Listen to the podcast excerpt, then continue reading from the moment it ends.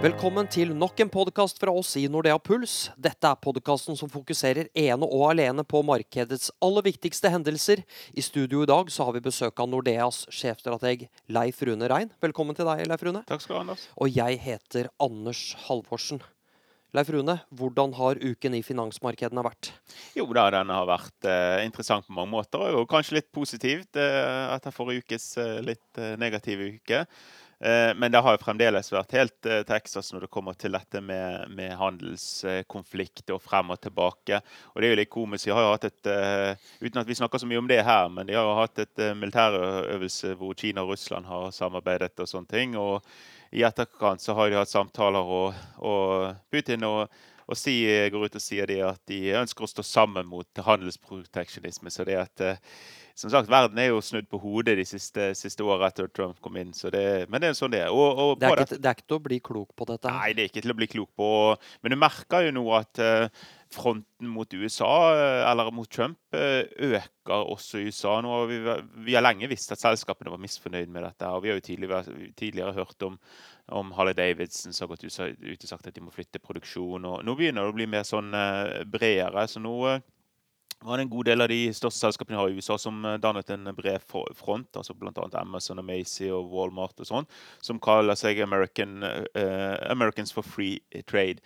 Uh, og det er klart at uh, det bygger opp, og det er litt sånn merkelig å se at disse siste 200 milliardene til til eh, USA så de skulle innføre på toll på, på, Kina. Så vi egentlig hadde forventet det skulle være annonsert nå. De har ikke kommet ennå. Så det virker som, eh, som, eh, som, man møter litt problemer. Og en av disse grunnene til dette er det at man nå rammer varer som også vil ramme små lokale butikker. Og dette blir jo bare verre hvis det fortsetter. Og det er klart at for enkelte av, av disse butikkene kan det bety kroken på døren for å anta at betalingsvilligheten til amerikanerne er 25 eh, høyere på, eh, på, mange av disse varene. Det, det kan være å strekke det langt. Når, Også, når, de, når denne eh, fronten blir litt tøffere, som du sier, bredere, hva, hva sier det deg, Leif Rune? Nei, altså Det er vanskelig å si. for I utgangspunktet så tror jeg den administrasjonen her bryr seg ingenting om de internasjonale amerikanske selskapene. Eh, og, og det selvfølgelig finnes det ulike fraksjoner, men kjernen her med Trump og, og sånt gjør nok neppe det. Mnuchin gjør det nok, og det så jo da som et utspill som hadde noe mot Kina, hvor man har invitert til nye samtaler før man innfører uh, disse uh, nye sanksjonene eller nye tollsatsene. Og Det kan jo i hvert fall tyde på det at uh, det er i hvert fall noen som ser utfordringer med dette her, og at man, man man kan uh, forhåpentligvis få dette i et mer rett spor. Fordi at som sagt, Uansett om uh, amerikanerne klarer å ramme Kina via dette, så kommer dette her til syvende og sist også til å ramme amerikanske forbrukere. Det er ingen vei utenom det, så det er konsekvensen. Og selvfølgelig rent sånn valgkampteknisk så ønsker vel kanskje ikke Donald Trump og hans uh, administrasjon å gjøre det før mellomvalgene, som, som, kommer opp nå i november, i frykt for at de mister både Senatet og, og House of Representatives det har kanskje fremdeles, hvis jeg skal ta frem noe positivt, så har det kanskje vært eh, noe positivt i forbindelse med NAFTA-avtalen, i og med at, eh, at eh, Mexicos finansminister har vært ute og sagt at de kommer til å signere avtalen, selv om ikke Canada kommer til enighet. Nå er det jo ingen støtte for det i Kongressen i USA, så det tviler jeg på de får til. Og disse denne handelsavtalen har jo trukket ut nå, til tross for at uh, Donald Trump har satt flere frister som ikke er overholdt. Jeg håper det at de kommer til enighet her, uh, og at USA gir litt til Canada, slik at, uh, slik at vi får liksom spikra denne delen av handelskrigen, i hvert fall. og så kan vi bare håpe på at man retter øynene mot Europa og blir enig der. Mot Kina så jeg ville ikke vært for optimistisk selv om det kommer nye samtaler. Eh, om det er bare et spill eller hva det er, det, det får vi nesten vente og se. altså. Eh, helt annet, eh, Leif Rune. Jeg så Apple eh, var ute tidligere denne uken her med lansering. Hvordan har det gått med IT-sektoren denne uken? Det har vært bob-bob, for å si sånn. Altså, totalt sett så er, jo, så, så er det jo ikke noe sånn å, å rope hurra for. Nå kommer det litt opp i, i går, riktignok. Men Apple falt jo litt i, i, etterkant av at de kom med disse nye produktene og sånt. Nå, som sagt, det kom tilbake igjen i, i går, men det er klart at IT-sektoren har vært utsatt flere ganger i løpet av året, hvor det har vært liksom, en fantastisk utvikling totalt men har fått flere sånn setbacks underveis. Og akkurat nå har vi vært inne i et av de, uten at jeg blir veldig veldig bekymret, bekymret for det. Når det kommer til regioner, Leif Rune, hva, hva, er det å trekke frem der? Ja, altså, Vi kan jo starte med Oslo Børs. Det har jo klart seg bra. Kanskje bare Japan som har klart seg bedre. Så, så det er positiv utvikling. Nesten halvannen prosent opp. Eh, fremdeles grønt på børsen og viser det her når vi lager denne podkasten, så det kan jo også bli eh, mer. Eh, vi er jo ikke helt oppe på all time high lenger men, eh, ennå, men det er ikke så fryktelig mye, unna.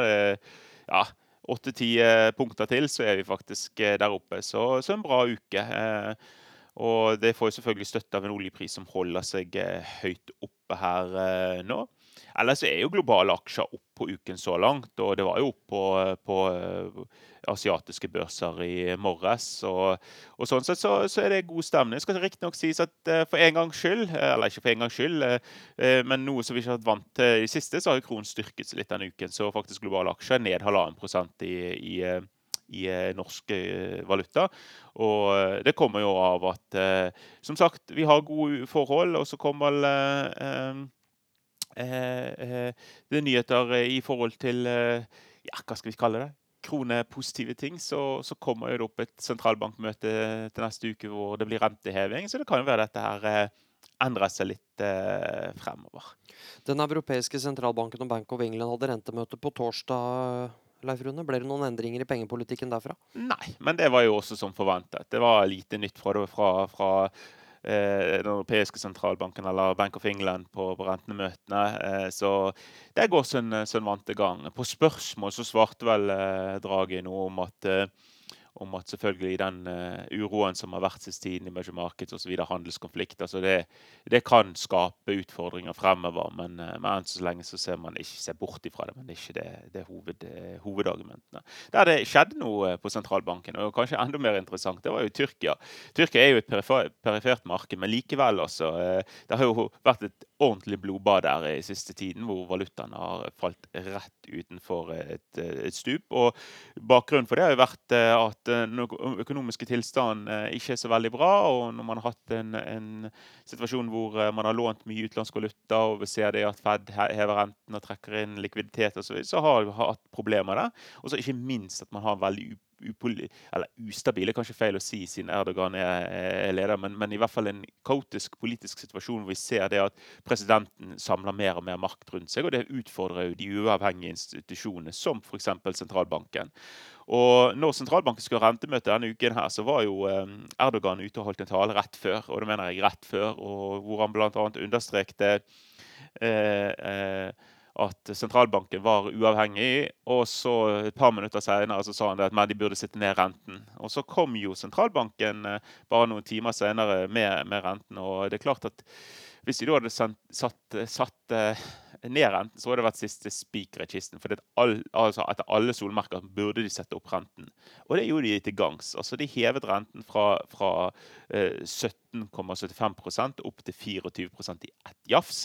Eh, så det er nesten denne konf konfrontasjonen mot Erdogan er nesten sånn du kan lure på om det var rigget. Men, men eh, vi får nå bare se bort fra det foreløpig. Endelig gjorde de det som de burde ha gjort for lenge siden. Eh, det var å heve denne renten og kanskje få bukt med inflasjonen. men det virker jo litt seint, dette. Nå skal det jo sies at uh, det tyrkiske liren den styrker seg 5 omtrent med en gang, og så endte den vel dagen en 2,5 i, i pluss. Så det hadde jo en, en, en, en positiv effekt. Men, men, de burde nok gjort dette før, for å si det sånn. Uh, og, og, sånn sett så er det ikke sikkert at dette her er nok til å stoppe det negative fokuset man har på, på um, på den, den, tyrkiske situasjonen. Eh, og Tyrkia må nok gå gjennom en ganske tøff eh, økonomisk fremtid før dette, her, eh, før dette snur tilbake igjen. Men hva med Kina?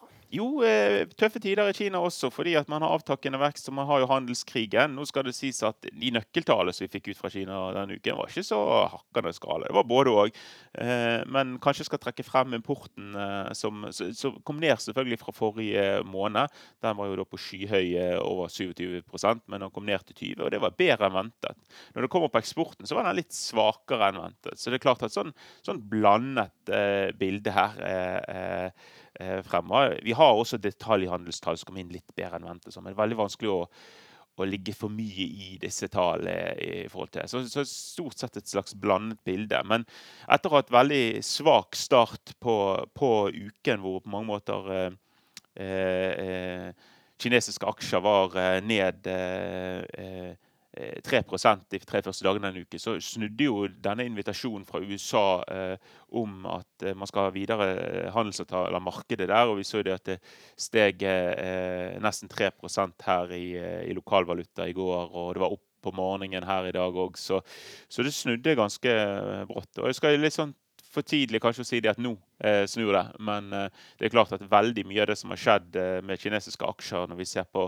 i hvert fall eh, den type selskap som vi investerer i, i typisk gjennom eh, ja, Hvis man følger MCI, Kina-indeksen eller noe sånt, igjen, så, så, har jo mye av dette nedsalget vært veldig vanskelig å, å, henge på noe som er fundamentalt for selskapene. Så sånn sett så kan det være snu, men det, det er litt tidlig å si.